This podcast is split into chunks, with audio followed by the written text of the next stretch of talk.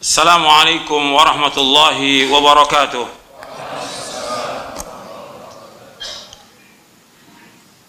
إن الحمد لله نحمده ونستعينه ونستغفره ونعوذ بالله من شرور أنفسنا ومن سيئات أعمالنا. من يهده الله فلا مضل له ومن يضلل فلا هادي له. أشهد أن لا إله إلا الله وحده لا شريك له. وأشهد أن محمدا عبده ورسوله. يا أيها الذين آمنوا اتقوا الله حق تقاته ولا تموتن إلا وأنتم مسلمون. يا أيها الناس اتقوا ربكم الذي خلقكم من نفس واحدة وخلق منها زوجها وبث منهما رجالا كثيرا ونساء. واتقوا الله الذي تساءلون به والأرحام إن الله كان عليكم رقيبا. يا أيها الذين آمنوا اتقوا الله وقولوا قولا سديدا. يصلح لكم أعمالكم ويغفر لكم ذنوبكم. ومن يطع الله ورسوله فقد فاز فوزا عظيما. أما بعد فإن أصدق الحديث كتاب الله. وخير الهدي هدي محمد صلى الله عليه وعلى آله وسلم. وشر الأمور محدثاتها. وكل محدثة بدعة. وكل بدعة ضلالة. وكل ضلالة في النار. الإخوة أعزكم الله kepada bapak, ibu-ibu, ikhwan dan akhwat yang dimuliakan oleh Allah Subhanahu wa taala.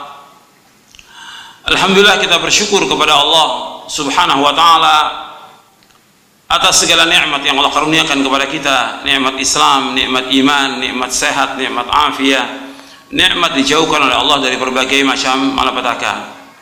Nikmat diberikan hidayah di atas sunnah Nabi sallallahu alaihi wasallam yang merupakan nikmat yang paling besar yang Allah karuniakan kepada kita setelah Allah memberikan hidayah Islam. Dua nikmat ini Islam dan sunnah merupakan nikmat yang paling besar dari semua yang ada di muka bumi ini. Antum harus ingat bahwa nikmat Islam, nikmat sunnah merupakan nikmat yang paling besar yang Allah karuniakan kepada kita dari semua nikmat yang ada. Makanya dikatakan oleh Imam Abu Aliyah rahimahullah kata beliau aku masuk Islam setelah wafatnya Rasulullah sallallahu alaihi wasallam. Dan aku mendapatkan dua nikmat. Yang aku tidak tahu dari dua nikmat ini yang mana yang paling besar? Yang pertama Allah menunjuki aku di atas Islam. Yang kedua Allah tidak menjadikan aku sebagai pengikut khawarij haruri yang pertama Allah tunjuki di atas Islam. Yang kedua Allah tidak, tidak jadikan aku sebagai pengikut Haruri yaitu pengikut Khawarij. Khawarij firqah yang sesat dan menyesatkan. Yang ada di awal awal khilafah Ali bin Abi Thalib radhiyallahu an yang mereka mengkafirkan Ali dan menyerang Ali bin Abi Thalib. Dan mereka ini orang-orang yang melesat dari Islam. Mereka menganggap bahwa dirinya melakukan perbuatan yang baik. Ini fitnah yang besar, khawarij ini. Sepanjang zaman, bahwa dua firqah yang sesat dan menyesatkan kaum muslimin, mengalahkan darah dan harta kaum muslimin dua firqah yang paling besar di antara firqah yang lain, yaitu yang pertama khawarij, yang kedua syiah. Makanya kita bersyukur kepada Allah diberikan hidayah di atas sunnah. Ini nikmat. Kita jaga nikmat ini. Jangan sampai lepas dari kita. Jaga supaya hidup kita betul-betul di atas sunnah Nabi Shallallahu Alaihi Wasallam. Karena untuk berpegang kepada sunnah di zaman fitnah berat. Fitnah syahwat, fitnah syubhat luar biasa. Berat. Makanya kita harus terus berpegang di atas di atas sunnah Nabi Shallallahu Alaihi Wasallam dan gak mungkin kita bisa berpegang di atas sunnah Nabi SAW kalau kita tidak menjauhkan perbuatan bid'ah. Nggak mungkin kita akan bisa berpegang di atas sunnah kalau kita tidak menjauhkan bid'ah.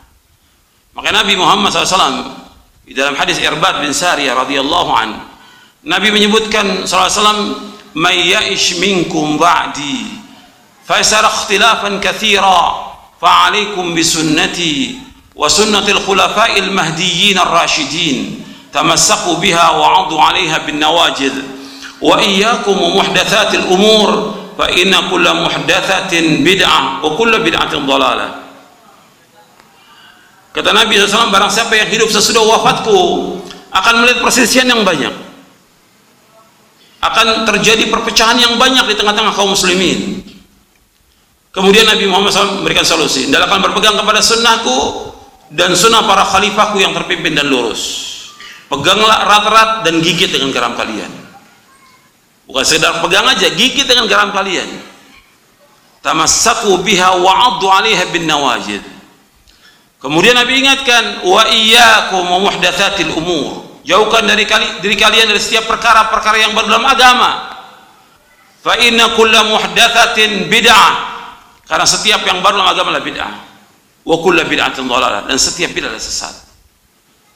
Artinya nggak mungkin orang itu bisa berpegang kepada sunnah kalau dia tidak menjauhkan perbuatan bid'ah. Jadi harus dia berpegang kepada sunnah sampai dia diwafatkan oleh Allah. Karena ini nikmat yang paling besar. Seandainya kita ditakdirkan oleh Allah, kita orang fakir, miskin, nggak punya apa-apa, tapi kita taat kepada Allah, berpegang kepada Islam dan Sunnah, ini nikmat yang paling besar. Karena nggak akan tegak Islam tanpa Sunnah. Islam dan Sunnah sebagai dijelaskan oleh Imam Al-Barbahari dalam kitabnya Syarh Sunnah.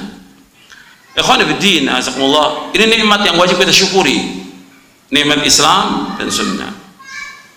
Kemudian nikmat yang lain lagi yang wajib juga kita syukuri, kita diberikan hidayah oleh Allah hidayah taufik untuk selalu dan senantiasa menuntut ilmu syar'i. Ini juga nikmat. Antum datang dari tempat yang jauh untuk menuntut ilmu, ini nikmat dari Allah. Bersyukur kepada Allah atas nikmat ini. Betapa banyak orang-orang yang diberikan oleh Allah kesehatan afiat kekayaan kendaraan waktu yang luang. Nggak bisa datang untuk menuntut ilmu. Nggak bisa melangkahkan kakinya untuk menuntut ilmu. Maka antum bersyukur kepada Allah. Ini nikmat yang besar maka niatkan antum datang ke sini ikhlas karena Allah bab ini jalan menuju surga Bagaimana sabda Rasulullah, "Wa man salaka tariqan yaltamisu fihi ilman, sahhalallahu lahu bihi tariqan lil jannah." Barang siapa yang berjalan untuk menuntut ilmu, Allah akan mudahkan jalan ke surga. Maka Anda perhatikan ini. Kita datang ke tempat ini untuk ngaji. Maka saya ingatkan kepada semua yang hadir untuk perhatikan kajian ini supaya bermanfaat. Jangan sampai antum sia-sia. Jangan datang ke tempat ini nggak ada yang dibawa pulang, jangan. Ada sesuatu yang antum bawa pulang yang bermanfaat untuk antum untuk keluarga antum. Maka tolong perhatikan yang ikhwan dan akhwat perhatikan. Dan seluruh panitia juga perhatikan. Jangan ada yang ngobrol. Jangan ada yang main HP jangan ngobrol jangan main HP dengarkan baik-baik supaya antum dapat manfaat. Tadi juga saya ingatkan kepada panitia itu jangan bagi makanan kita pasti makan. Kalau soal makan pasti makan kita. Makan nanti. Nggak bisa digabung antara ngaji dengan makan. Kalau ngaji dengan makan yang lebih kuat apanya? Makannya bukan ngajinya. Nanti. Atau sebelumnya tadi makan. Atau nanti sudah pengajian. Kalau ngaji ngaji. Perhatikan. Dengarkan baik-baik agar antum mendapatkan manfaat majelis ilmu merupakan riyadul jannah kebun surga. Maka Nabi menyebutkan dalam hadis Abu Hurairah radhiyallahu anhu yang tadi saya bacakan wa man salaka tariqan yaltamisu fihi ilman sahhalallahu lahu tariqan al jannah. Wa majtama qaumun fi baitin min buyutillah yatluna kitab Allah wa yatadarasunahu bainahum illa nazalat alaihim as-sakinah wa ghashiyatuhum rahmah wa haffathum al-malaika dhakarahum Allah fi man 'inda wa man batta'a bihi 'amaluhu lam bihi nasabuhu Kata Nabi SAW, barang siapa yang berjalan untuk menuntut ilmu, Allah akan mudahkan jalannya ke surga. Dan tidaklah berkumpul satu kaum di satu rumah dari rumah-rumah Allah yang mereka membaca Al-Quran. Kemudian kata Nabi SAW, yang mereka pelajari di antara mereka Al-Quran itu, maka yang pertama akan turun sakinah, ketenangan. Yang kedua akan diliputi rahmat Allah.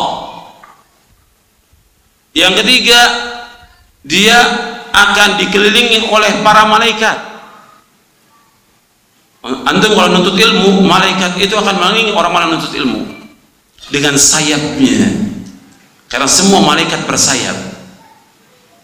Maka disebutkan dalam hadis yang lain yang sahih, Nabi bersabda, "Innal malaikata la tada'u ajnihataha ridon uh, li talib ilmi ridon bima yasna. Innal malaikata la tadu ajnihataha li talib ilmi ridon bima yasna. Sesungguhnya malaikat mengepakkan sayapnya kepada orang-orang yang menuntut ilmu ridho dengan apa yang mereka kerjakan. Kata Ibnu Qayyim mereka ridho mereka hormat mereka memuliakan orang menuntut ilmu Jadi, malaikat mengelilingi orang ilmu yang keempat dalam hadis Nabi tadi yaitu wa dzakarahumullah fi man inda. Allah akan sebutkan di antara orang-orang yang berada di sisinya. Di sisi Allah. Itu orang-orang yang ilmu akan disebutkan. Di hadapan para malaikat yang berada di sisi Allah. Kemudian Nabi bersabda SAW, "Wa man batta'a bihi amalul yusri bihi nasabu." Barang siapa yang lambat amalnya, enggak dapat dikejar nasabnya. Karena agama Islam agama amal, bukan nasab. Meskipun nasabnya mengatakan keturunan Nabi SAW, ningrat atau yang lainnya, tapi dia tidak melakukan amal-amal dengan ikhlas dan itiba, nggak ada manfaatnya. Karena yang penting apa? Amal. Yang Allah akan hisap dari kiamat tentang apanya? Amal. Dan orang mendapatkan derajat di sisi Allah tentang apa? Amalnya. Walikulin darajatum mimma amilu. Mereka mendapatkan derajat dengan apa yang mereka amalkan. Dan mereka juga mendapatkan surga dengan sebab amal mereka. Dan juga dengan rahmat Allah SWT tilkal jannatu lati uristumuha bima kuntum ta'malun itulah surga yang diwariskan kepada kalian dengan sebab apa yang kalian amalkan. Ikhwan fiddin azakumullah. Dalam kesempatan kajian ini di pondok Al-Ikhlas di Duku Dempok Jem, apa Muluhan Jember ini saya ingin bawakan hal-hal yang mendasar yang mudah-mudahan bermanfaat untuk kita semuanya. Yang pertama saya akan jelaskan tentang Islam. Karena kita semuanya agamanya Islam KTP kita Islam. Tapi banyak orang Islam nggak tahu tentang Islam yang pertama saya akan jelaskan tentang Islam dulu yang harus kita yakini bahwa agama Islam ini satu-satunya agama yang hak. Ini harus kita yakin. Selain Islam nggak akan diterima oleh Allah Taala. Ini harus kita yakin. Satu-satunya agama yang hak agama Islam.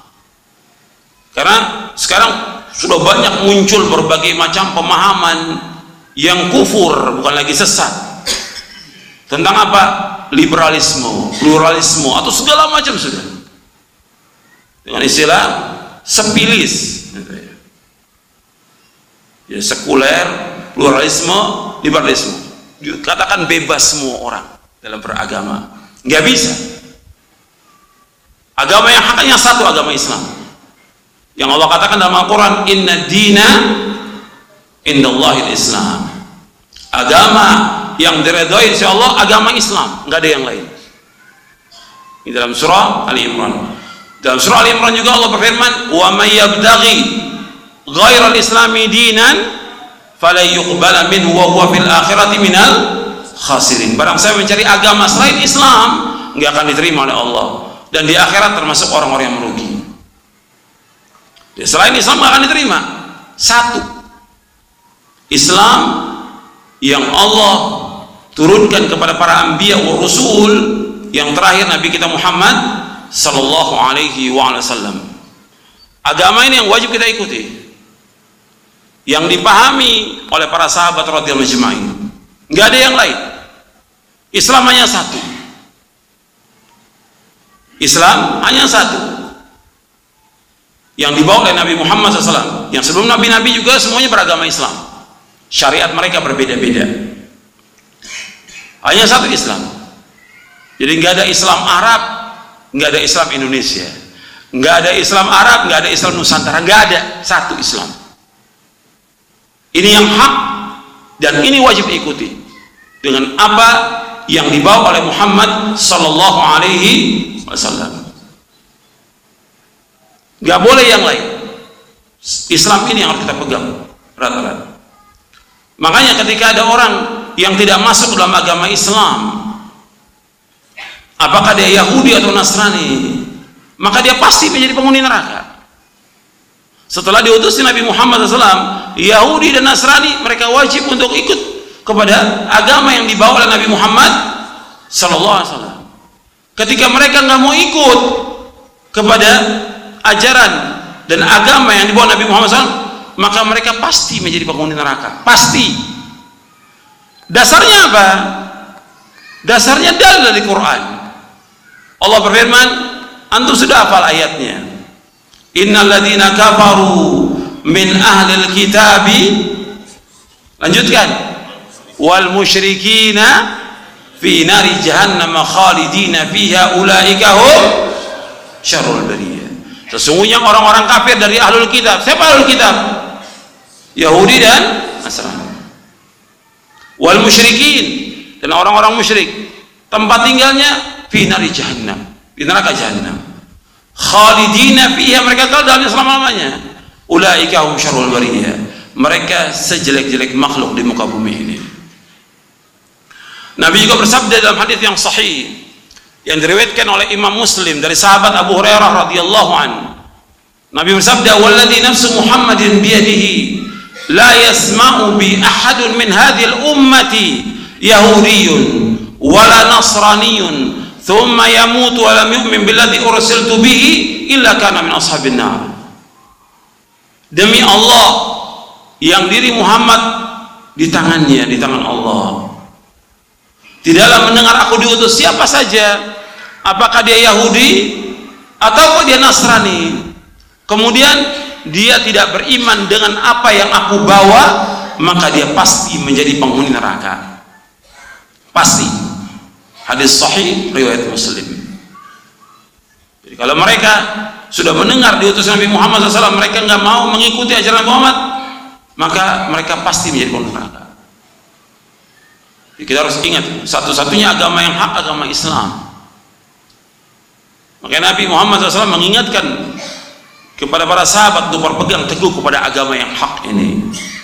Bahkan ketika Umar bin Khattab radhiyallahu an membawa lembaran Taurat, lembaran Taurat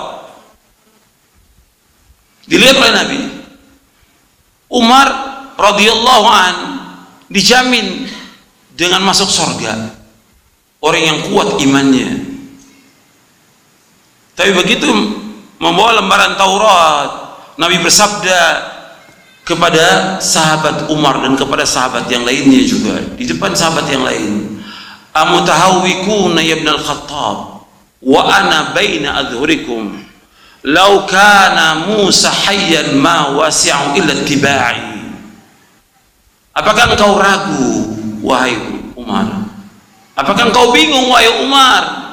Kalau seandainya dan aku ada di antara tengah-tengah kalian. Kalau seandainya Nabi Musa masih hidup sekarang ini dia wajib mengikuti aku. Kalau Nabi Musa hidup sekarang ini dia wajib mengikuti Rasulullah. Karena beliau adalah Nabi yang terakhir dan Rasul yang terakhir khatamul anbiya wal mursalin. Kalau ada Nabi-Nabi hidup di zaman Nabi Muhammad semuanya wajib untuk mengikuti Nabi Muhammad sallallahu alaihi wa ala alihi wasallam jadi ini tentang Islam yang antum perhatikan. Kemudian agama Islam ini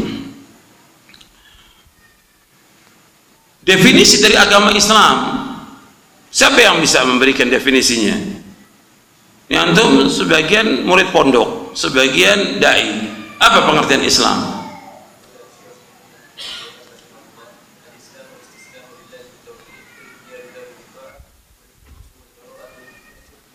Nah, yang dikatakan Islam itu al-istislamu lillahi bi tauhid wal inqiyadu lahu bi wal bara'atu min asyirki wa.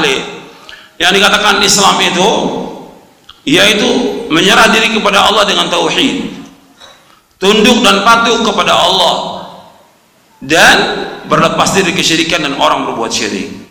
Jadi dikatakan Islam itu menyerahkan diri dengan totalitas kepada Allah dengan tauhid.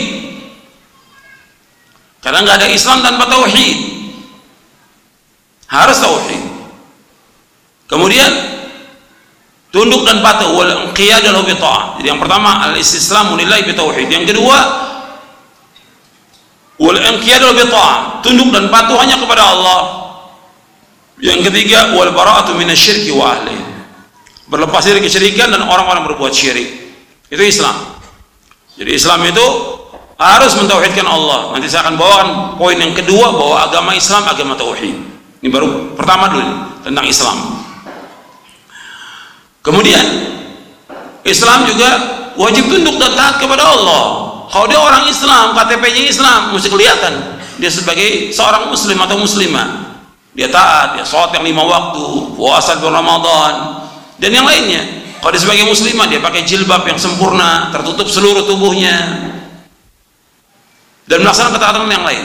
Harus terlihat sebagai muslimah. Ketaatan dia kepada Allah subhanahu wa ta'ala. Kemudian berlepas dari kesyirikan. Bapak kita nggak bisa bertemu dengan kesyirikan. Dan kekuburan harus berlepas dari kesyirikan. Dosa yang paling besar di muka bumi dosa apa? syirik kemungkaran yang paling mungkar syirik. Maksiat yang paling maksiat syirik. Maka dia harus berlepas dari kesyirikan dan orang-orang berbuat syirik. Dan itu yang diajarkan oleh Rasulullah SAW pertama kali ketika di Mekah. Sudah didakwakan Nabi tentang al-wala wal-bara wala loyalitas kepada Allah Rasulnya dan orang-orang beriman. Bara berlepas diri dari kesyirikan dan orang yang berbuat syirik. Dan apa yang disembah kepada selain Allah berlepas diri dari mereka. Ini dakwah jadi dakwah itu harus ada mensucikan Allah dan harus ada untuk apa? Berlepas diri dari dari kesyirikan. Makanya ketika orang-orang mendakwakan Islam, dia harus ada itu untuk selalu mensucikan Allah, menetapkan nama-nama Allah, mengikhlaskan hanya ke, ibadah kepada Allah, takut hanya kepada Allah dan yang lainnya. Kemudian berlepas dari kesyirikan. Makanya disebutkan tentang orang-orang yang berdakwah di jalan Allah. Allah berfirman, "Qul hadhihi sabili ad'u ila Allah ala basiratin ana wa man ittaba'ani wa subhanallah wa ma ana minal musyrikin." Qul hadhihi sabili katakan ini jalanku. Ini caraku, ini manhajku. Ad'u ila Allah. Aku mengajak manusia ke jalan Allah. Bukan kepada pribadi kita, bukan ngajak orang supaya orang cinta kepada kita? Bukan. Ajak manusia ke jalan Allah. Ke jalan Allah. Ala basira dengan dasar ilmu dan keyakinan. Ana wa man ittaba'ani. Aku dan orang-orang mengikuti aku. Wa subhanallah suci Allah. Wa ma'ana musyrikin. Aku tidak termasuk musyrik. Aku tidak termasuk orang musyrik. Dalam surah Yusuf. Surah 12 ayat 108 disebutkan Qul hadhi sabili ini jalan jalanku ini manhajku. Katakan kepada manusia ad'u ila Allah aku mengajak manusia ke jalan Allah. Dakwah ini mengajak manusia ke jalan Allah. Dakwah ini mengajak manusia untuk beribadah kepada Allah. Dakwah ini mengajak manusia untuk mentauhidkan Allah. Dakwah ini mengajak manusia agar mereka paham tentang arkanul iman arkanul islam ini dakwah Kemudian dari kalimat ad'u ilallah kata para ulama di sini ada tanbih. Tanbih al-ikhlas. Dakwah itu harus ikhlas karena Allah. Bukan karena yang lain. Bukan karena popularitas, bukan mencari nama, bukan mencari dunia, karena Allah. Ad'u ilallah. Kemudian ala basira, dakwah itu dengan dasar basira, dengan ilmu. Nggak berhak orang berdakwah kalau dia nggak punya ilmu. Nggak boleh dia berdakwah kalau nggak punya ilmu. Yang merusak dakwah sekarang ini di mana-mana orang-orang yang tidak berilmu. harus dengan ilmu tanpa ilmu nggak bisa nanti akan saya jelaskan tentang agama Islam agama ilmu dakwah dengan ilmu tanpa ilmu nggak bisa bagaimana dia akan menyampaikan sesuatu kalau dia nggak punya ilmu harus punya ilmu dasarnya. Dalil dari Quran dan Sunnah. Ilmu dari dalil dari Quran dan Sunnah. Al ilmu kalau Allah kalau Rasul kalau sahabat. Ilmu perkataan Allah Rasulnya dan para sahabat. Bukan rayu. Bukan kata ulama bukan. Dalil. Bawakan kepada umat dalil. Kalau sekarang banyak macam-macam sudah. Ya yang dibawakan dongeng cerita ini itu segala macam. Dakwah ilmu sampaikan kepada umat ana wa man aku dan orang mengikuti aku. Nabi berdakwah dengan ilmu. Dan nabi sudah melaksanakannya. Para sahabat juga melaksanakan demikian. Mendakwakan dengan ilmu dan mengamalkannya. Dari ayat ini kata Imam Ibnu Qayyim rahimahullah wajib kita untuk mengikuti jejak para sahabat karena mereka berilmu dan mereka beramal dan mereka berdakwah dengan dasar ilmu. Dari ayat ini wajib untuk mengikuti manhaj salaf. Kemudian wa, wa subhanallah wa ma'ana musyrikin. Maha Allah. Dan aku tidak termasuk yang berbuat syirik. Kita harus mensucikan Allah dalam dakwah ini. Mengikhlaskan ibadah kepada Allah. Mengajak orang untuk takut kepada Allah. Mengharap hanya kepada Allah. Tawakal hanya kepada Allah. Menyembelih karena Allah semua. Ajak mereka untuk mensucikan Allah. Menetapkan semua nama-nama Allah mensucikan Allah menetapkan semua nama dan sifat Allah. Nggak boleh mengingkari nggak boleh mentakwil nggak boleh menanyakan tentang bagaimana sifat Allah dan tidak boleh menyamakan Allah dengan makhluknya. Laisa kamitslihi syai'un wa huwa samiul basir. Nggak ada satupun yang sama dengan Allah. Allah itu maha mendengar Allah maha melihat. Kita wajib menetapkan semua nama sifat Allah. Apa yang Allah tetapkan dalam Al-Quran, yang Nabi tetapkan, kita wajib menetapkannya. Nggak boleh kita mengingkari, nggak boleh kita mentawil, memalingkan lafadznya atau maknanya kepada makna yang lain. Tidak boleh. Kalau Allah menyebutkan dirinya bahwa Allah menyebutkan bahwa Allah berada di atas langit, di atas aras kita wajib tetapkan.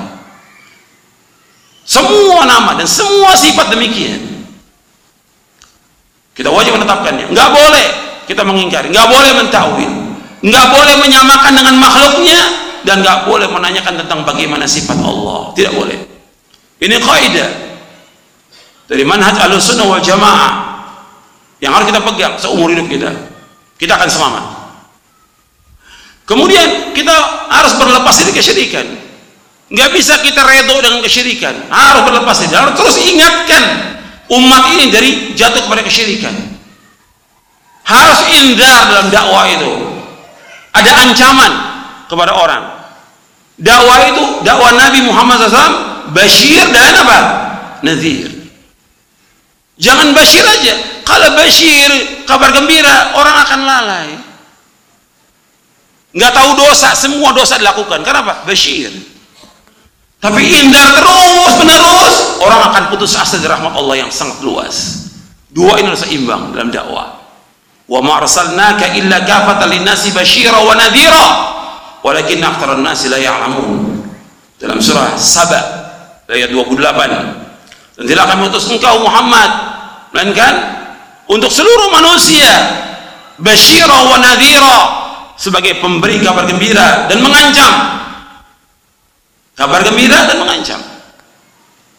Akan tapi kebanyakan manusia tidak tidak mengetahui. Maka dakwah ini harus ada ancaman. Maka Nabi ketika Allah menyuruh untuk mendakwakan kepada kaumnya kepada sanak kerabatnya Allah firmankan bagaimana? Siapa yang tahu ayatnya iya.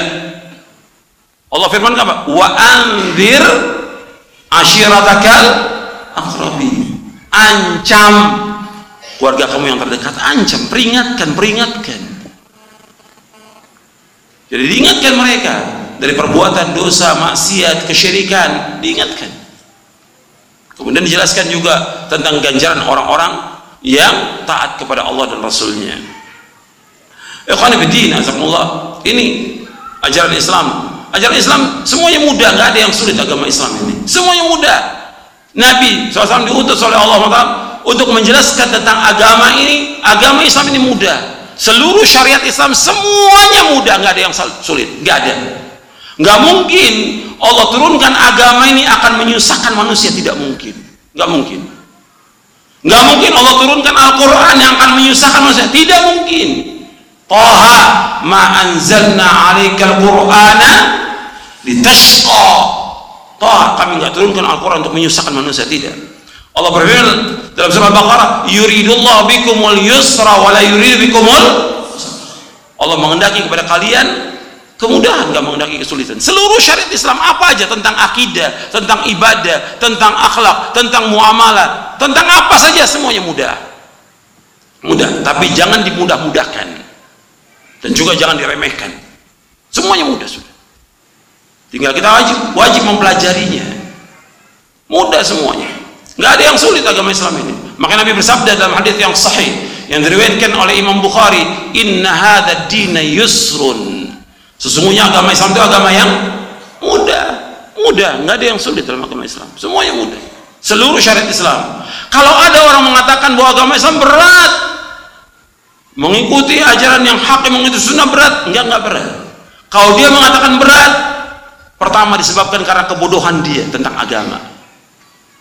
Kalau dia mengatakan berat karena banyaknya dosa dan maksiat yang dilakukan. Kalau dia mengatakan berat karena dia mengikuti hawa nafsu, kalau dia mengatakan berat disebabkan karena dia mengikuti banyaknya masyarakat sedangkan masyarakat nenek moyang bukan ukuran bukan ukuran apa bukan ukuran kebenaran sampai sini jelas tentang Islam kalau saya jelaskan panjang ya. ini poin yang pertama supaya gampang antum ingat ya yang kedua karena agama Islam mudah saya ingin mudahkan untuk antum untuk memahaminya karena yang hadir juga macam-macam yang kedua, agama Islam itu agama tauhid. Agama Islam, agama tauhid. Makanya para anbiya wa rusul alaihi wassalam diutus oleh Allah untuk mendakwakan dakwah apa? Tauhid. Saya mau tanya kepada antum, kita ini diciptakan Allah untuk apa? Untuk makan, minum, main, nonton. Untuk apa kita diciptakan?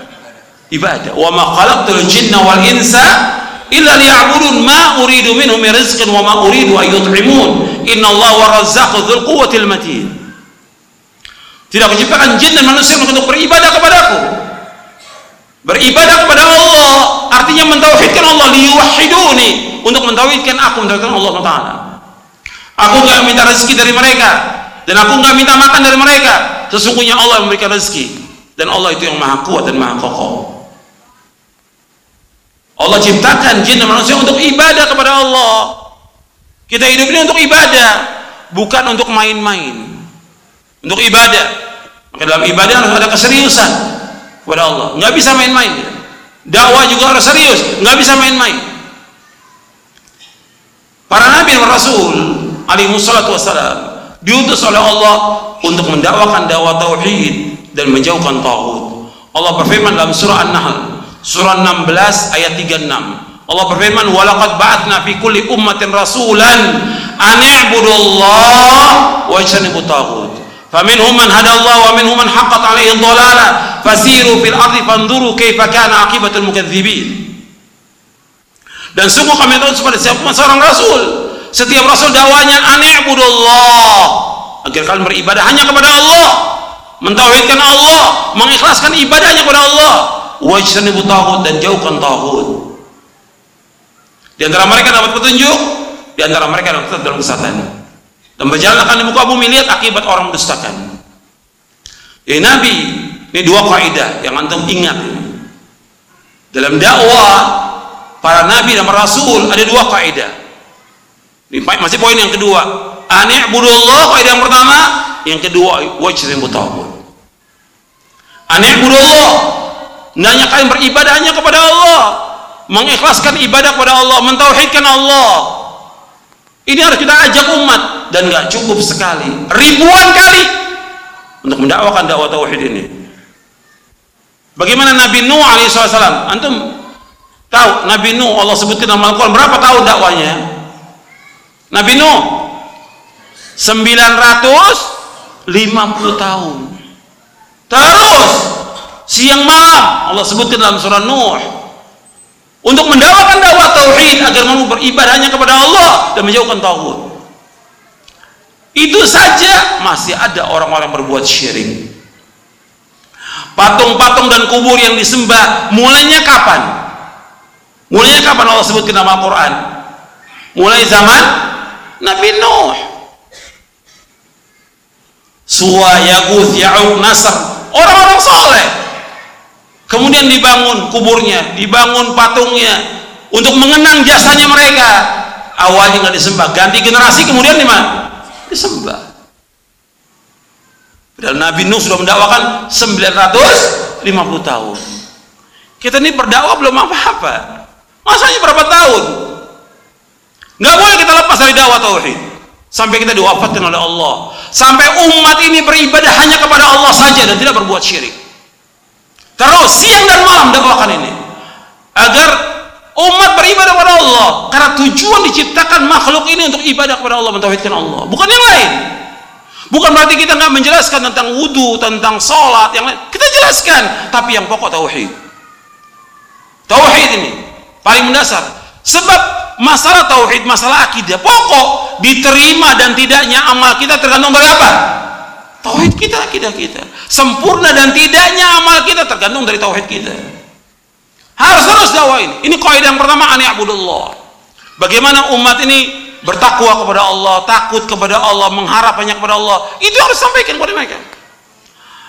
Saya mau tanya kepada antum. Antum ini sebagian besar sudah biasa ngaji. Kalau orang menuntut ilmu, ya, yang dikatakan ilmu itu apa kata Imam Ahmad? Yang ngaji. Ilmu itu apa? Supaya orang apa dengan ngaji ini nuntut ilmu? Supaya orang apa? Supaya takut kepada Allah. Makanya kata Imam Muhammad, al ilmu khasyatullah. Ilmu itu takut kepada Allah. Bagaimana kita mengajak umat ini untuk takut dia kepada Allah, tidak berani kepada Allah, tidak berbuat maksiat kepada Allah, takut, tambah takut dia kepada Allah. Itu ilmu. Maka dikatakan oleh Abdullah bin Mas'ud radhiyallahu anhu, laisa al-ilmu bi kathratir riwayah walakin al-ilmu al-khasyatu ilmu itu bukan banyaknya riwayat hadis. Tapi ilmu bagaimana dia takut kepada Allah. Disebutkan oleh Imam Ahmad dalam kitabnya Az-Zuhd dan juga disebutkan oleh Imam Ibnu Ibnu Rajab dalam kitabnya Fadlu Ilmi Salaf. Beliau menjelaskan yang namanya ilmu takut kepada Allah. Sekarang bagaimana kita mengajak umat ini untuk takut kepada Allah? Bukan tambah berani. Takut kepada Allah. Takut melanggar syariat Allah. Yang pokok dari takut ini bagaimana dia mengikhlaskan ibadah kepada Allah. Takut kepada Allah, mengharap hanya kepada Allah, ikhlas semata-mata karena Allah. Bukan karena yang lain, bukan karena dunia. Bukan karena ria, bukan karena pamer, tapi karena Allah. Tawakal dia hanya kepada Allah. Dia bernadar karena Allah, dia menyembelih karena Allah. Itu yang kita ucapkan ayat yang paling pokok dalam Al-Quran dari seluruh isi Al-Quran iya karena abudu. Wa iya nasta'in hanya kepada engkau ya Allah kami beribadah. Hanya kepada engkau saja Allah kami mohon pertolongan. Qul inna salati wa nusuki wa mahyaya wa mamati lillahi rabbil alamin. La syarika lahu. Wa bidzalika umirtu wa ana awwalul muslimin. Katakanlah semua salatku menyembelihku hidupku dan matiku karena Allah Rabbul Alamin. Gak ada sekutu bagi Allah. Demikian aku perintah dan aku yang pertama Islam dakwah ini mengajak orang bagaimana mengikhlaskan seluruh bentuk ibadah kepada Allah. Allah abadikan dalam Al-Quran tentang Nabi Ibrahim alaihissalam untuk mentauhidkan Allah. Bahkan beliau Nabi Ibrahim alaihissalam sebagai Nabi sebagai bapaknya para Nabi yang Nabi Muhammad SAW disuruh untuk mengikuti siapa? mengikuti Nabi Ibrahim Inna Ibrahim kana ummatan qanitan lillahi hanifa wa lam yakun minal musyrikin. Sesungguhnya Nabi Ibrahim umat. Padahal dia sendiri. Sendiri. Tapi kita umat sebagai pemimpin. Untuk mengajak umat mentauhidkan Allah. Menjauhkan syirik. Inna kana ummatan qanitan. Qanit. Qanit artinya taat. Mudawi malah ta'ah qanit ay mudawi min ta'ah terus dalam ketaatan. Menjauhkan maksiat. Hanifah lurus. Berpaling dari semua kesyirikan. Ditekankan oleh Allah walam yakum minal musyrikin. Dan beliau tidak berbuat syirik kepada Allah. Yang Nabi Muhammad diperintahkan thumma wahayna ilaika an tabi' millata Ibrahim hanifa. Wa ma kana musyrikin. Kemudian kami wahyukan kepada kamu untuk mengikuti. Milahnya Ibrahim dan beliau tidak termasuk orang yang berbuat syirik. Ini dakwah dakwah dakwah tauhid. Nabi Ibrahim dan nabi-nabi sebelumnya dan sesudahnya memulai dakwah dengan tauhid. Kita harus mengikuti jangan menyimpang dari dakwah ini. Ini jalan yang lurus. Ini siratal mustaqim. Makanya Allah menyebutkan siratal mustaqim Allah sebutkan tentang apa? tentang ibadah kepada Allah tentang tauhid ketika Allah menyebutkan tentang siratal mustaqim Allah sebutkan tentang apa? tentang tauhid. Kalau anda mau lihat ada. Yang bawa mushaf lihat. Supaya antum di atas basirah. Bahwa kita mengkaji dengan dalil. Bukan kata orang. Antum lihat. Di surah Ali Imran.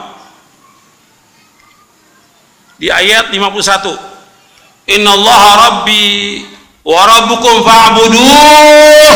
Hada siratu mustaqim.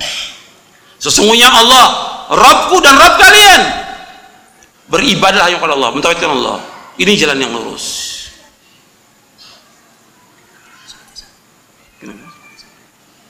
Bisa lanjutin lagi nah. Jadi Allah menyebutkan dalam ayat ini innallaha rabbi wa rabbukum fa'buduh. Hadza siratul mustaqim sesungguhnya Allah Rabbku dan Rabb kalian beribadah kepada Allah. Kalau beribadah artinya apa? Mentauhidkan Allah. Ini jalan yang lurus. Jadi kalau kita mau jalan di atas siratul mustaqim ajak umat untuk mentauhidkan Allah. Ini kaidah yang pertama. Kaidah yang kedua wajtanibu tagut jauhkan tagut. Semua yang disembah selain Allah. Kita harus singkirkan. Nggak boleh. Togut itu banyak pokoknya ada berapa togut itu banyak pokoknya ada berapa togut ada banyak pokoknya berapa lima sebutkan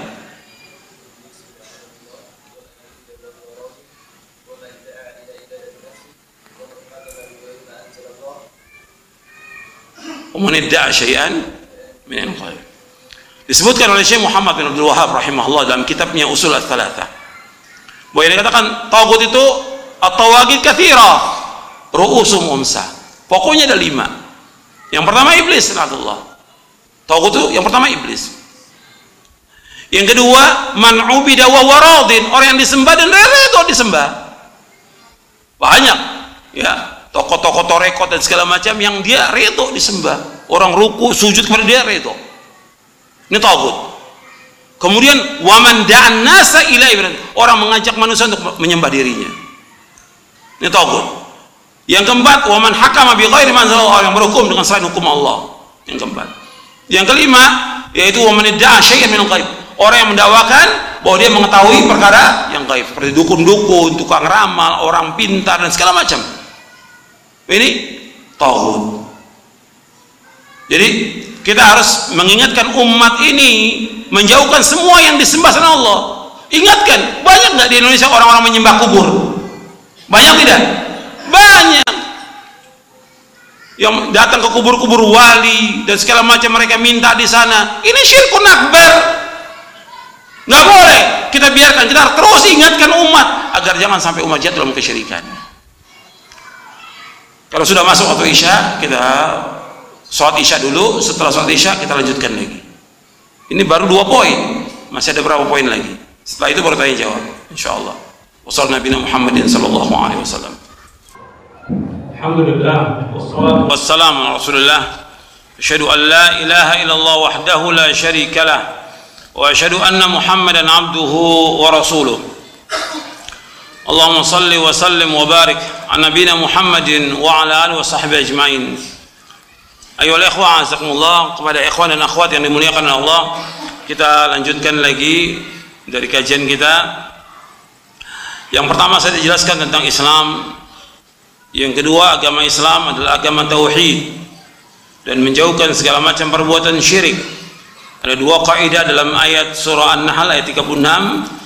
Kaidah itu yang pertama an i'budullah, yang kedua wajtanibut taghut. Dan dakwah ini harus ditarkis, dipusatkan dalam masalah ini. Karena semua nabi, semua rasul alaihi wassalam itu memusatkan dakwanya kepada ini. An i'budullah wajtanibut taghut. Dalam beribadah hanya kepada Allah. Mengajak umat untuk mentauhidkan Allah. Mengikhlaskan ibadah kepada Allah. Dan menjauhkan segala macam yang disembah selain Allah. Termasuk juga menjauhkan firqah-firqah yang sesat. Dan yang lainnya termasuk dari kalimat wajtanibut taghut. Jadi harus berjalan di atas jalan ini dan tadi sudah sebutkan bahwa tagut itu banyak. Pokoknya ada lima. Yang pertama iblis, yang kedua orang yang disembah dan dia redho disembah, yang ketiga orang yang mengajak manusia untuk menyembah dirinya, yang keempat orang yang berhukum dengan selain hukum Allah, dan yang kelima adalah orang yang mendakwakan dirinya mengetahui perkara yang gaib. Itu disebutkan dalam kitab Al-Usul Al-Thalatha oleh Syekh Muhammad bin Abdul Wahab rahimahullah rahmatan wasi'ah. Ikhwan Bidin, Azakumullah. Kita akan masuk. Kalau bicara yang kedua ini panjang tentang dakwah tauhid. Maka antum harus belajar tauhid. Antum tamatkan itu. Usul ats-tsalatsa dengan syarahnya, kitab tauhid dengan syarahnya dan diulang-ulang agar kita paham. Yang ketiga, akhwan fillah, azakumullah, bahwa agama Islam ini agama ilmu. Ilmu. Jadi harus semua dengan dalil dengan hujjah Makanya kita disuruh untuk menuntut ilmu, belajar talabul ilmi syar'i dan terus sampai kita diwafatkan oleh Allah. Gak boleh kita berhenti menuntut ilmu, gak boleh. Nuntut ilmu ini ibadah bukan? Saya mau tanya kepada antum, nuntut ilmu ibadah? Ibadah.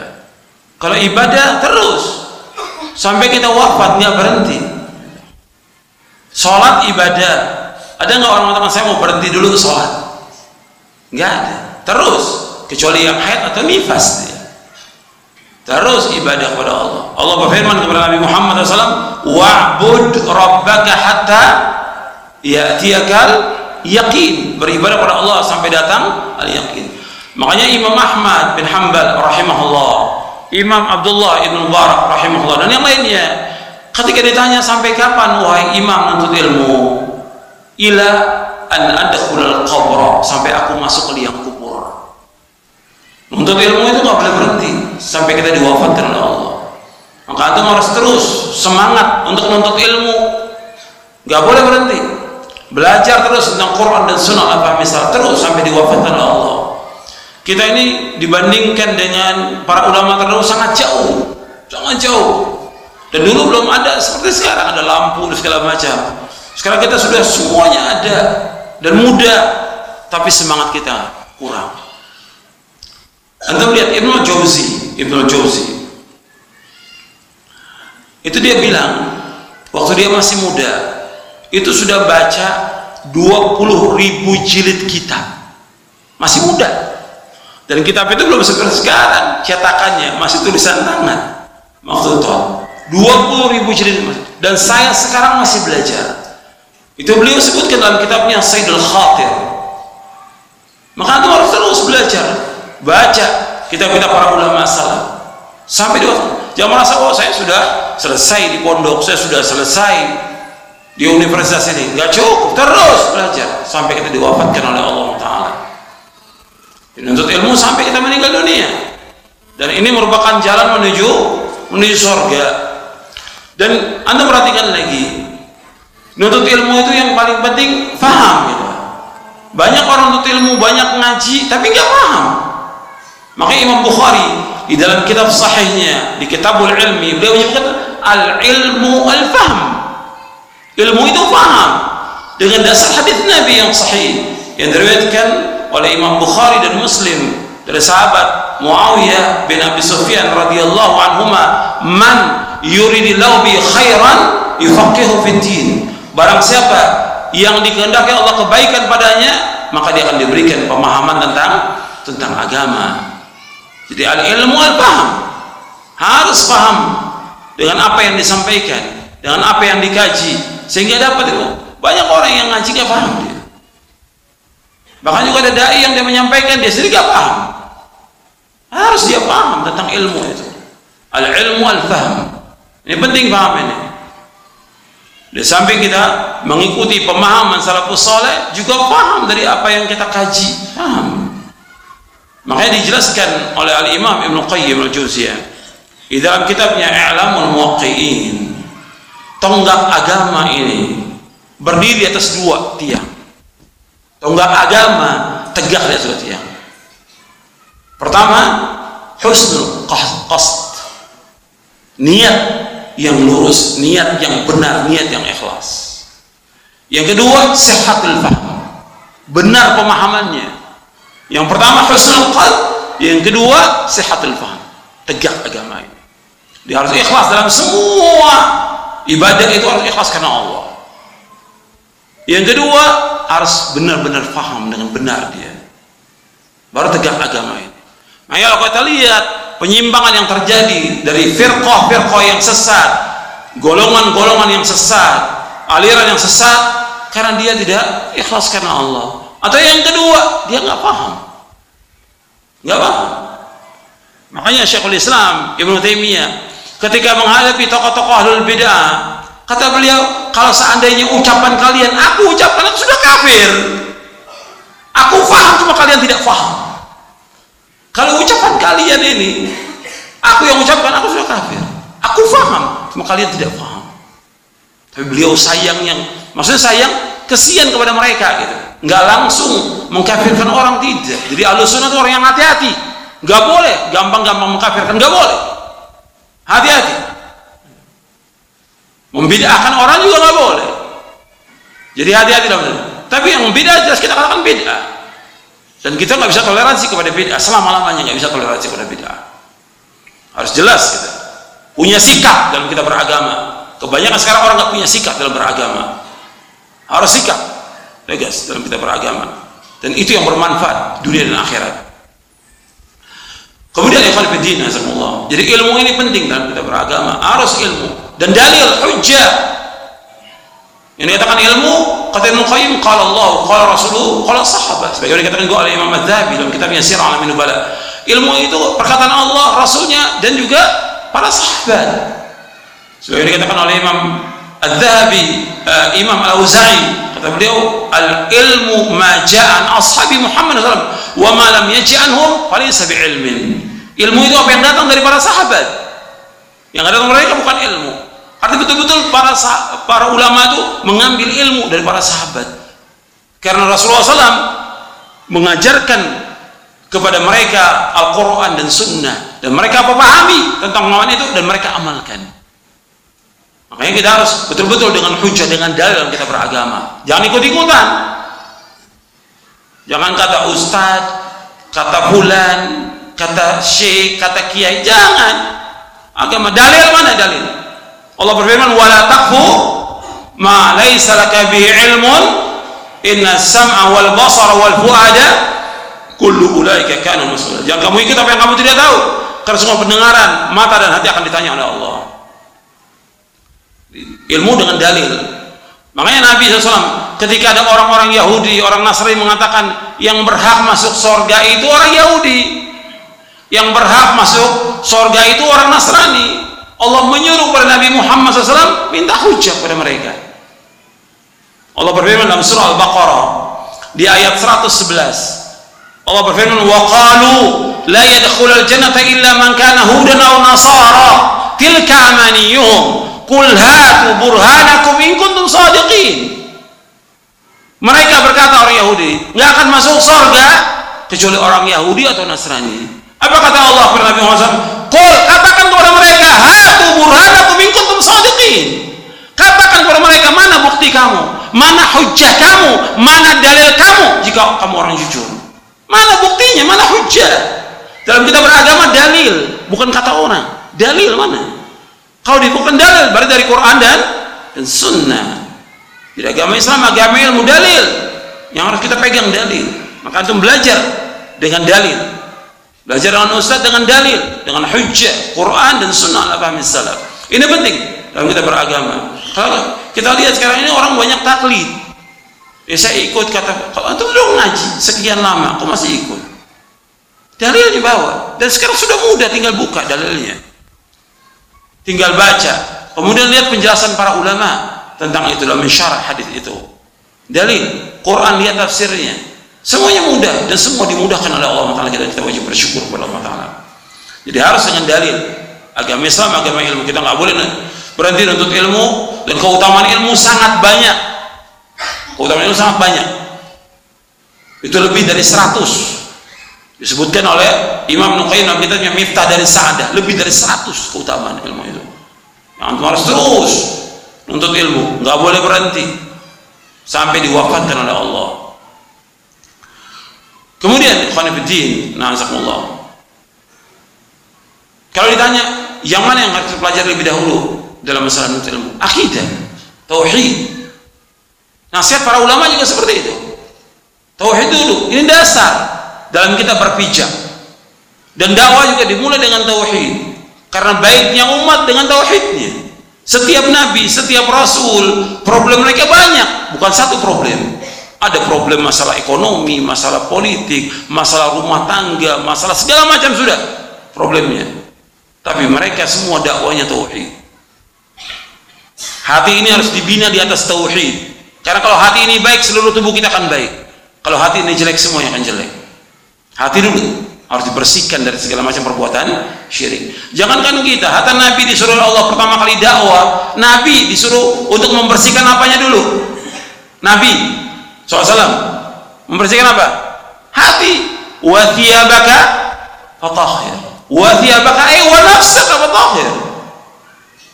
Dirimu kamu bersihkan hatimu bersihkan bersihkan dari kesyirikan. Itu Nabi Muhammad SAW disuruh bikin apalagi kita. Dan banyak penafsiran para ulama tentang ayat itu. Karena waktu itu belum ada kewajiban sholat lima waktu belum ada. Jadi maksudnya dirimu bersihkan bersihkan juga amalmu bersihkan akhlakmu bersihkan pakaianmu bersihkan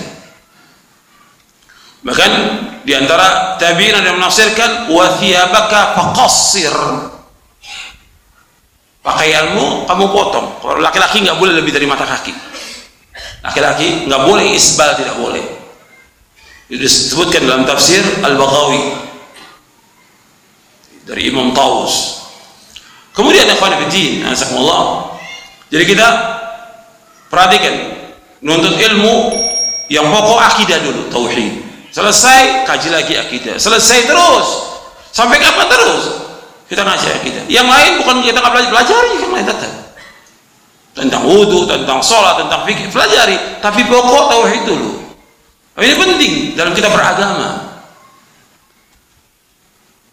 Dan setiap kita menuntut ilmu, perhatikan, setiap kita menuntut ilmu, mesti akan menambah takut kita kepada Allah. Mesti menambah iman kita kepada Allah. Sebab tadi sudah disebutkan aslul ilmi aslul ilmi khasyat Allah. Pokoknya ilmu takut kepada Allah. Makanya Imam Ibn Rajab Al-Hambali dalam kitabnya Fadlu Ilmi Salaf menyebutkan ilmu yang bermanfaat tanda ilmu yang bermanfaat itu yang pertama orang yang menuntut ilmu itu bertambah ketika dia menuntut ilmu pengagungan dia kepada Allah. Kemudian mentauhidkan Allah. Rububiyahnya uluhiyah semua sifat. Dia tawakal kepada Allah. Dia mengharapnya kepada Allah. Dia takut kepada Allah. Kemudian dia mengimani semua qada dan qadar Allah dan dia dengan apa Allah yang menetapkan tambah imannya dia dengan menuntut ilmu. Yang kedua dia tandanya kata Imam Ibn Rajab yaitu dia melaksanakan apa, apa yang dicintai oleh Allah dan menjauhkan apa yang dilarang. Melaksanakan apa yang dicintai Allah dan menjauhkan dilarang. Yang dicintai Allah apa aja? Dilaksanakan. Yang dilarang kita jauhkan. Ini tanda ilmu yang bermanfaat. Karena setiap hari kita berdoa minta ilmu yang bermanfaat. Allahumma inni as'aluka ilman nafi'a wa rizqan wa amalan mutaqabbal ya Allah aku kepada engkau ilmu yang bermanfaat rezeki yang halal dan amal yang terima itu yang kita minta kalau ilmu yang bermanfaat tandanya disebutkan oleh para ulama Begitu juga rezeki yang halal, begitu juga amal yang terima. Kemudian yang keempat, yang keempat bahwa Islam itu agama amal. Makanya kita sibukkan dengan amal. Bab ilmu tanpa amal nggak ada artinya. Ilmu tanpa amal nggak artinya. Maka disebutkan oleh Imam Nawawi orang yang paling miskin, orang yang paling miskin orang yang menuntut ilmu tapi dia tidak mengamalkan ilmu itu. Ilmu itu untuk diamalkan. Nggak ada artinya ilmu tanpa amal. Dan Allah akan tanya kita dari kiamat tentang empat pertanyaan. Yang pertama umur, yang kedua apa? Ilmu. Kata Nabi Muhammad SAW dari sahabat Abu Barzah al-Aslami radhiyallahu an, "La tazulu qadam 'abdin yawm al-qiyamati hatta yus'al umri fima afna, wa an ilmi fima fa'ala, wa an mali min aina iktasaba wa fima anfaqa, wa an jismi fima abla." Akhrajahu Tirmidzi wa qala hadha sahih. Dari Abu Barzah al-Aslami radhiyallahu anhu berkata, tidaklah bergeser kedua kaki seorang hamba pada hari kiamat, maka Allah akan tanya tentang empat perkara. Pertama akan ditanya umurnya. Dihabiskan untuk apa? Yang kedua, ilmunya diamalkan atau tidak? Yang ketiga, hartanya dari mana dia peroleh dan ke mana dihabiskan? Yang keempat, tentang capeknya, lelahnya, letihnya untuk apa? Dikeluarkan Tirmidzi dan terminal hadis ini hasan sahih. Syekh Al-Bani juga mensahihkan dalam silsilah hadis as-sahihah di juz yang kedua. Di sini disebutkan, perhatikan. Empat pertanyaan. Yang pertama tentang umur. Kalau bicara soal umur berarti soal waktu. Antum waktunya untuk apa? Banyak waktu kita dihabiskan untuk yang sia-sia, yang tidak bermanfaat. Allah akan tanya kita, waktu ini untuk apa? Akan ditanya oleh Allah. Dan banyak yang berkaitan dengan waktu. Maka saya tulis buku tentang waktumu dihabiskan untuk apa? Bagaimana para ulama salaf dalam menggunakan waktu dengan sebaik-baiknya. Kita banyak waktu kita yang terbuang dengan sia-sia. Dan Allah bersumpah wal asr innal insana fi khusr ila alladziina amanu wa 'amilus shalihat wa tawassaw bil haqq wa tawassaw bis sabr. Ya tentang waktu ini digunakan. Yang kedua tentang masalah ilmu diamalkan atau tidak akan ditanya Allah pada kiamat. Ilmu ini yang kita tuntut, yang kita cari, yang kita kaji diamalkan atau tidak. Yang ketiga tentang masalah harta dari mana kita peroleh dari yang halal, haram, syubhat atau yang lainnya. Kalian tanya. Dan ke mana dihabiskan? Dan yang keempat, capeknya, lelahnya, letihnya kita untuk apa? Capeknya kita untuk apa? Untuk menegakkan sunnah, mengajak orang kepada sunnah, atau capeknya untuk berbuat yang bermanfaat, yang dari Allah, atau tidak? Lelah dan letihnya kita untuk apa? Kalau capeknya, lelahnya, letihnya dia karena Allah dan sunnah, dapat hidayah dia. Tapi kalau capeknya lelahnya bukan karena sunnah, binasa dia. Dalam hadis yang diriwayatkan oleh Imam Ahmad dan Ibn Hibban, Nabi bersabda SAW, "Likulli amalin syirah, wa likulli syiratin fatra, faman kana fatrat ila sunnati faqad ihtada, wa man kana ila ghairi halak." Setiap amal ada masa semangatnya, ada masa lelah dan letihnya. Barang siapa semangat dan letihnya karena sunnahku, maka dapat petunjuk dia. Dan barang siapa yang lelah letihnya bukan karena sunnahku, maka dia binasa. Ini sabda Rasulullah SAW. Dan riwayat ini sahih. Jadi khalifuddin, azakumullah, kita sibukkan dengan amal. Kita masing-masing melakukan amal-amal soleh. Yang wajib, yang sunnah, terus. Nggak boleh kita berhenti. Atau yang sunnah. Yang sunnah, saya ambil contoh yang sunnah. Sholat malam wajib atau sunnah? Sholat malam sunnah. Nabi pernah menegur seorang sahabat. Kata Nabi kepada seorang sahabat, hadisnya sahih Bukhari Muslim.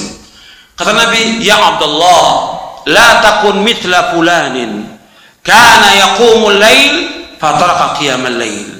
Wahai Abdullah, jangan kamu seperti si fulan. Tadinya rajin salat malam, sekarang tinggalkan salat malam. Tadinya rajin salat malam, tinggalkan salat malam.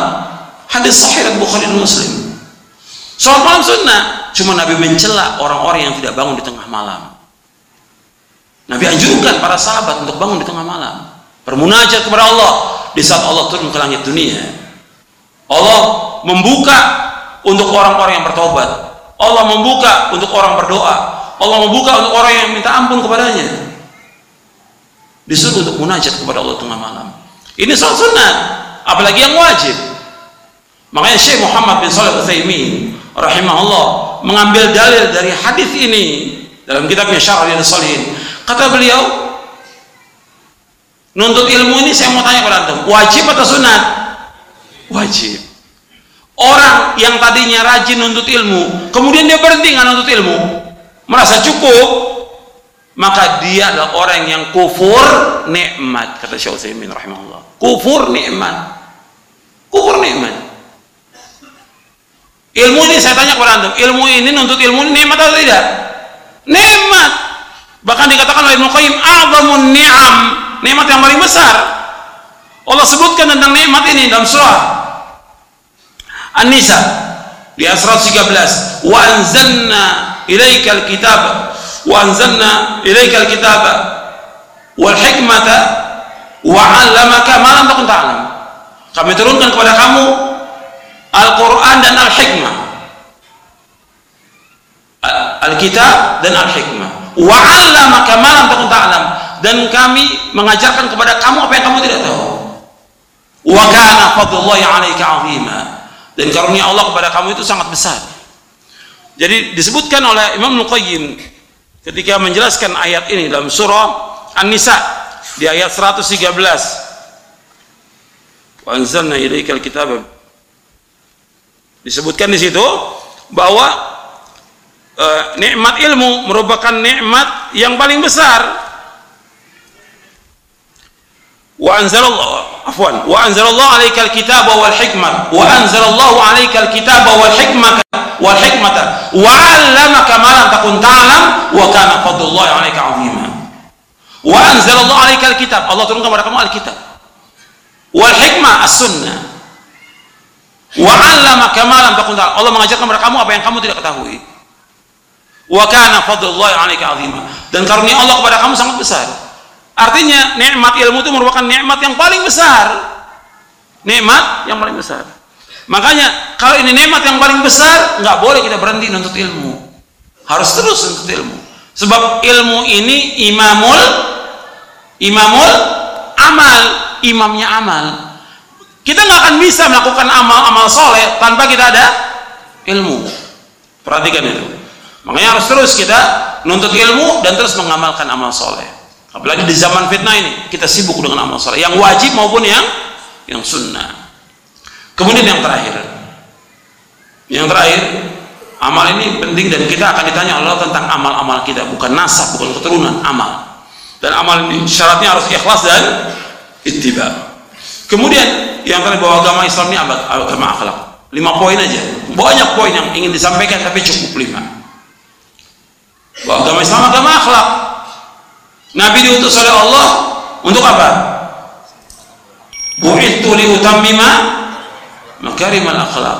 Bu'ithu li utammima salih akhlak. Dua-duanya sahih riwayatnya.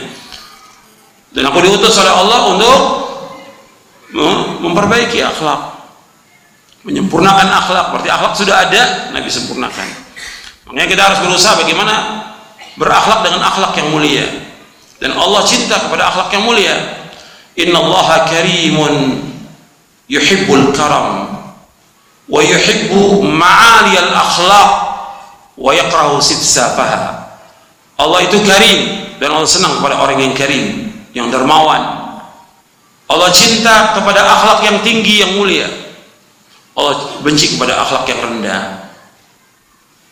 Akhlak yang tinggi akhlak yang mulia seperti dia berbuat baik berbakti pada kedua orang tuanya akhlak yang mulia dia menolong orang-orang yang susah menolong orang yang miskin akhlak yang mulia dia membantu orang-orang mengalami kesulitan akhlak yang mulia dia menghormati orang yang lebih tua akhlak yang mulia dia berusaha untuk terus menuntut ilmu syar'i, terus semangat dalam talabul ilmi. Makanya disebutkan yuhibbu malil akhlak akhlak yang tinggi. Contoh akhlak yang rendah yang bagaimana? Akhlak yang rendah seperti malas, nggak semangat menuntut ilmu, nggak boleh. Harus semangat kita menuntut ilmu. Harus terus kita beramal amal soleh. Nggak boleh putus asa, nggak boleh putus. Harus semangat kita. Nabi menyuruh kita untuk semangat dalam kita beragama ini dan bersungguh-sungguh nggak bisa main-main kata Nabi SAW dalam hadis yang sahih yang diriwayatkan Imam Muslim al mu'minul qawiyyu khairun wa habbu bil mu'min dhaif wa fi kullin khairun ihris ala yanfa'uka wasta'in bila wa la ta'jaz. Kata Nabi mukmin yang kuat lebih baik dan lebih dicintai daripada mukmin yang lemah. Dua-duanya ada kebaikan tentang imannya. Kata Nabi ihris. Berkemauan keras bersungguh-sungguh kepada apa yang bermanfaat bagi kamu. Wasta'in billah minta minta tolong kepada Allah. Wala ta'jaz. Jangan lemah. Nggak boleh kita lemah. Antum lihat antum bandingkan. Ahlul bid'ah apa berhenti dia dengan bid'ahnya? Tidak. Bahkan terus mengkader dia. Sampai yang kecil-kecil juga dikader. Dari kecil. Terus. Ahlul bid'ah. Yang syirik juga demikian. Dia bawa keluarganya. Tadinya dia sendiri. Datang ke kuburan wali atau habib atau kiai. Duduk bersimpuh di sana nyembah di sana minta. Nggak cukup sendiri. Ajak keluarganya. Ajak anaknya untuk berbuat syirik. Dan terus semangat dia kita mesti begitu dalam kebaikan kita ajak diri kita istri kita anaknya dalam kebaikan dan semangat dalam kebaikan nggak boleh lemah nggak boleh kita lemah nggak boleh patah semangat nggak ada patah semangat apalagi berhenti nggak ada berhenti dalam amal nggak ada berhenti, dalam dakwah nggak ada berhenti. Terus sampai diwafatkan oleh Allah. Nggak ada yang berhenti. Kata Imam Ibn Qayyim di dalam kitabnya Madrasah Salikin, jalan ini terus maju. Iman dia maju, iman dia mundur. Maju ke surga, mundur ke neraka. Nggak ada istilah berhenti. Nggak ada berhenti. Kita harus terus maju. Kalau ahlu syirik, ahlul maksiat, ahlul bidah terus berjalan dan semangat dalam perbuatan beda kita harus jalan dalam kebenaran sampai kita diwafatkan oleh Allah tegak Islam di atas semangat ini ihris ala ma yanfa'uka wasta'in billah wa la ta'jaz berkemauan keras kepada yang bermanfaat bagi kamu minta tolong pada Allah jangan lemah harus terus kita kemudian akhlak kita perhatikan akhlak kita harus baik pertama akhlak kita kepada guru akhlak eh, akhlak kepada orang tua akhlak kepada guru, akhlak kepada istri, akhlak kepada anak, kepada tetangga, kepada sanak kerabat, harus baik kita. Harus baik. Tunjukkan akhlak yang mulia. Nabi menyebutkan akhlak yang mulia dan Nabi contoh, khairukum khairukum li ahlihi wa ana khairukum li ahli. Orang paling baik orang yang paling baik kepada keluarganya, aku orang paling baik kepada istriku dan keluargaku.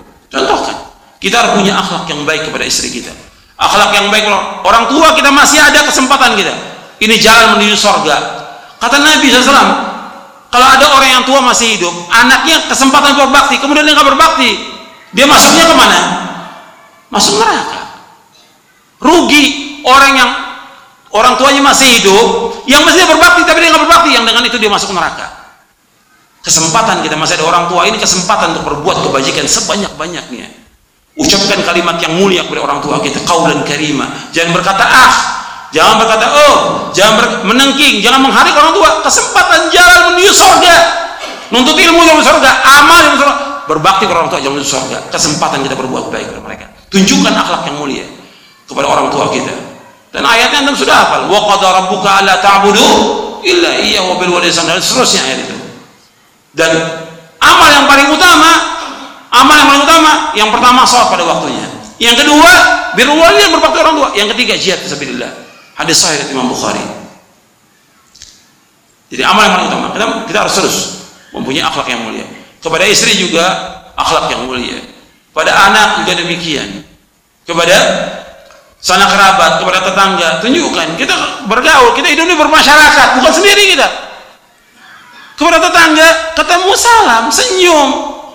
Jangan seperti kita nggak punya nggak punya tetangga. Nabi ingatkan kepada kita berbuat baik kepada siapa? Tetangga. Jangan ganggu tetangga itu. Man kana yu'minu billahi wal yawmil akhir falyukrim jarahu. Wa man kana yu'minu billahi wal yawmil akhir fala yu'di jarahu. Muliakan tetangga, hormati tetangga, jangan ganggu dia. Kita bergaul dengan masyarakat, kita nggak hidup sendiri. Meskipun tetangga kita alul beda, tetap kita salam. Dia susah kita bantu, tetap baik. Dan tetap kita mengajak kepada kami tunjukkan akhlak yang mulia. Maka orang akan ikut dakwah kita. Ini Nabi ajarkan akhlak. Ini panjang kalau kita bicara akhlak. Dan kita harus punya akhlak yang mulia dalam dalam kita hidup ini. Karena ini yang banyak masukkan manusia ke surga dua yang paling banyak masukkan manusia ke surga dan paling berat timbangan pada hari kiamat. Yang pertama takwa kepada Allah yang kedua akhlak yang mulia yang paling banyak masukkan manusia ke neraka dua yang pertama lisan yang kedua kemaluan riwayatnya sahih Ya saya pikir cukup sampai di sini kajian kita mudah-mudahan bermanfaat. Mungkin ada satu atau dua pertanyaan ditulis. Ditulis saya pertanyaannya Pak. Iya. nggak usah banyak-banyak ya antum juga sudah capek ya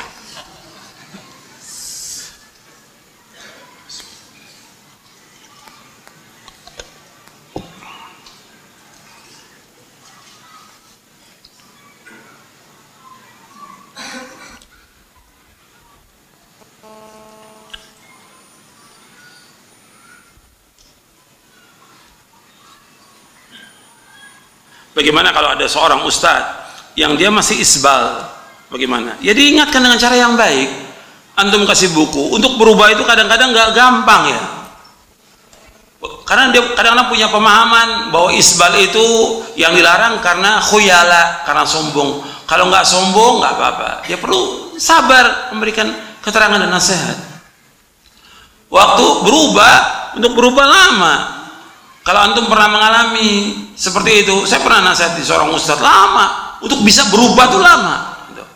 Tapi sabar, diingatkan lagi, diingatkan lagi, diingatkan sampai berubah. Perlu waktu. Juga kepada keluarga untuk berubah dari dia mereka berbuat beda syirik, lama waktunya. Kita alhamdulillah bersyukur Allah kita dapat hidayah mudah, tapi belum tentu orang tua kita semudah itu. Belum tentu juga keluarga kita semudah itu Perlu waktu dan antum doakan, doakan dengan kebaikan. Kalau dia sebagai guru antum yang belum berubah, belum tahu tentang manhaj, antum doakan dengan cara yang baik, dengan lemah lembut, doakan dia dengan kebaikan. Kemudian Allah memberikan hidayah pada dia. Perlu waktu yang panjang dan sabar. Antum kadang-kadang mengharap, pokoknya saya begitu dapat sunnah langsung bisa berubah. Antum mau samakan dengan orang tua, ya nggak bisa. Antum mau samakan juga dengan kakak atau dengan nggak bisa. Antum subhanallah diberikan oleh Allah kemudahan. Diberikan hidayah. Mudah untuk menerima. Tapi orang tua antum yang terdidik dengan bid'ah puluhan tahun untuk berubah perlu waktu. Perlu kesabaran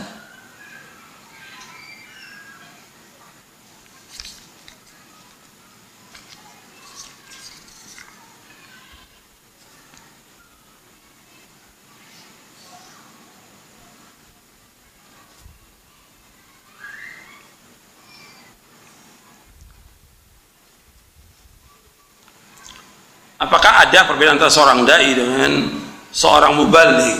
Mubalik ini menyampaikan aja. Sebenarnya dai itu adalah orang-orang yang dia paham tentang Quran sunnah. Mengajak. Dai ini mengajak manusia. Mengajak kepada apa? Dakwah definisi dakwah dijelaskan oleh Syekhul Islam Taimiyah. Mengajak manusia kepada arkanul Islam kepada arkanul iman. Mengajak manusia untuk mentauhidkan Allah menjauhkan syirik. Itu dakwah. Itu paling pokok. Baru yang lainnya yang dijelaskan oleh mereka kalau sekedar menyampaikan semua orang bisa menyampaikan tapi nggak berilmu. Dakwah ini kalau sudah ilmu. Tadi sudah dibawakan ayat dalam surah Yusuf ayat 108 dakwah itu harus dengan dengan ilmu dan keyakinan.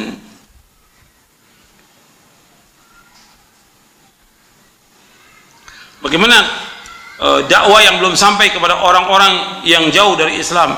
Kita yang seperti ini kewajiban para ulama untuk menyampaikan dai-dai untuk menyampaikan. Adapun kita yang kita pikir bagaimana dakwah ini yang sudah sampai kepada kita, kita bisa memahami dan mengamalkan untuk istri kita, anak kita. Antum pikirkan untuk antum dulu. Adapun yang jauh sudah Allah nggak akan mengadab mereka kalau belum sampai apa? Hujjah pada mereka. Wa ma kunna mu'adzibina hatta nab'atha rasulah. Kami nggak akan mengadab mereka sampai datang datang rasul.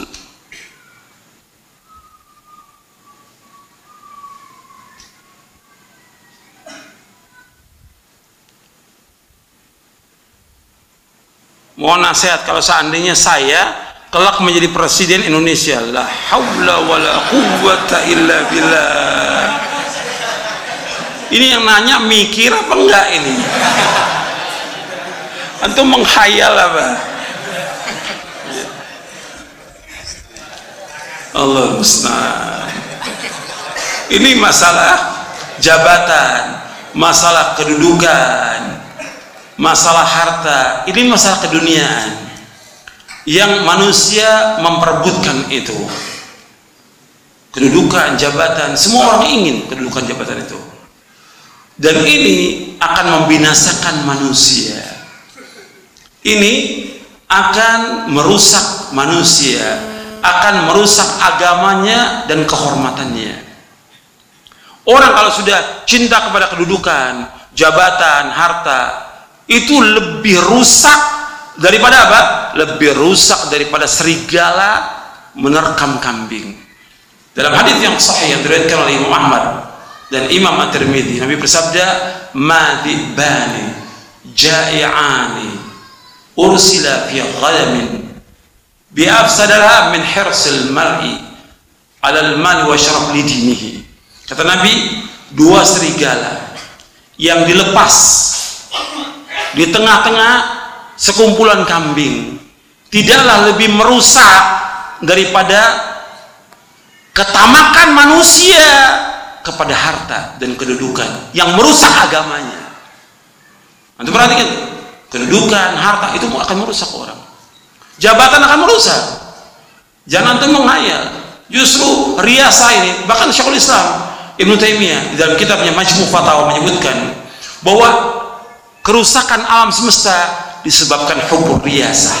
Hubur riasa, cinta kepada kepemimpinan. Kita sekarang sebagai hamba Allah, bagaimana kedudukan diri kita sebagai hamba Allah? Ibadah kepada Allah, bukan jadi pemimpin. Nabi SAW ketika ditawarkan tentang dunia, kedudukan Nabi nggak mau. Nabi ingin jadi hamba Allah. Seperti biasa. Harta ditawarkan, Nabi nggak mau. Bukan nggak boleh orang itu kaya, boleh. Tapi ingat, itu fitnah. Apalagi kedudukan. Anta, apa antum bisa nanti berhukum? Jadi RT aja anda belum bisa berhukum dengan hukum Islam. Jadi RW, jadi lurah, belum bisa. Bagaimana jadi presiden? Apa nggak berat nanti hukuman di akhirat? Ya. Sekarang yang paling penting antum jadi imam dulu untuk keluarga antum. Bagaimana antum jadi imam? Kan doa kita, Rabbana hablana min azwajina wa dhurriyyatina qurrata a'yun waj'alna lil muttaqina antum udah jadi pun imam bagi orang yang bertakwa di rumah tangga antum. Sudah belum? Harus jadi imam. Kita harus ajak istri kita ke sorga, anak kita ke sorga, mantu kita ke sorga, cucu kita ke sorga. Ajak saudara kita ke sorga. Allah berfirman, Ya ayyuhalladzina amanu qu anfusakum wa ahlikum nar. Yang beriman, jaga diri kamu keluarga kamu. Jaga. Jaga dengan apa? Dengan mengajarkan kebaikan kepada mereka. Menyuruh mereka untuk takwa. Jauhkan mereka dari perbuatan yang bawa mereka. Kata Ali bin Abi Thalib, "Alimu anfusakum wa ahlikumul khaira wa adibuhum ajarkan kebaikan kepada diri kamu dan keluarga kamu. Dan ajarkan adab kepada mereka. Jadi antum bagaimana jadi pemimpin dalam rumah tangga? Sekarang banyak orang nggak jadi pemimpin dalam rumah tangga. Gimana mau jadi presiden? Ini khayal seperti kita tegakkan khilafah khilafah ini para penghayal.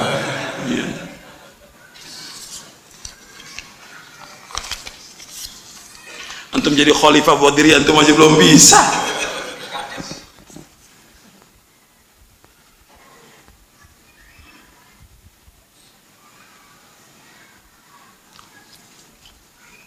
Antum tanya pertanyaan, pertanyaan yang berkaitan dengan materi itu lebih manfaat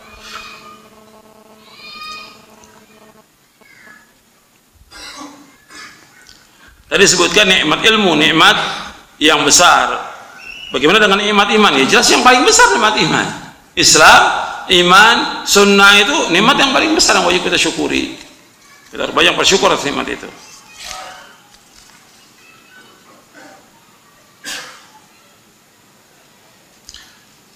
Bagaimana kita berbuat baik kepada orang tua? Apa yang disebutkan dengan durhaka? Itu durhaka seperti kita melawan orang tua, membantah orang tua dalam perbuatan-perbuatan yang baik yang disuruh oleh orang tua. Berkata A, berkata cis, ber, menengking orang tua, menghardik orang tua. Kita berusaha bagaimana? Berkata yang lembut, kaulan karima. Allah menyebutkan fala taqul lahum uffin wala tanharuma wa qul lahum qaulan karim dalam surah Al-Isra ayat 23 24 anda melihat itu. Jangan mengatakan kalimat ah saja nggak boleh, apalagi lebih daripada itu. Menangking orang tua nggak boleh, menghardik orang tua nggak boleh. Ucapkan perkataan yang mulia.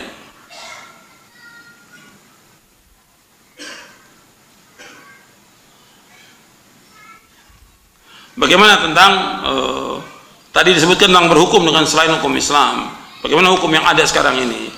Ya kita sekarang belum berhukum dengan hukum Islam yang ada negara kita. Kita nggak mengkafir, tidak, sama sekali tidak. Karena banyak orang-orang yang jahil yang nggak ngerti tentang agama. Karena bagaimana pelaksanaan hukum Islam? Kalau hukum Islam, perhatikan, yang melaksanakan itu kewajiban pemerintah saja atau semua kaum muslimin? Melaksanakan hukum Islam, semuanya. Kalau mereka wajib, kita juga wajib. Nah sekarang sudah belum kita tegakkan hukum Islam untuk diri kita, untuk istri kita, untuk anak kita. Kita mulai menegakkan hukum itu. Jadi jangan kita bawa ayat wa malam yahkum bima anzala fa ulaikumul kafir langsung dituduhkan kepada ulil amri. Kita nggak dituduhkan juga. Kan kita harus melaksanakan hukum Islam. Nah, sekarang belum terlaksana. Bagaimana bisa terlaksana? Perlu sabar dan waktu yang panjang. Pembinaan dulu. Membina umat ini di atas akidah yang benar, pemahaman yang benar, tauhid yang benar untuk diri kita, istri kita, anak kita. Perlu waktu dan panjang, lama waktunya. Nggak bisa kita istijal, nggak bisa. Saya pikir cukup sampai di sini. Kurang lebihnya saya mohon maaf. Mudah-mudahan bermanfaat untuk saya dan untuk sekalian.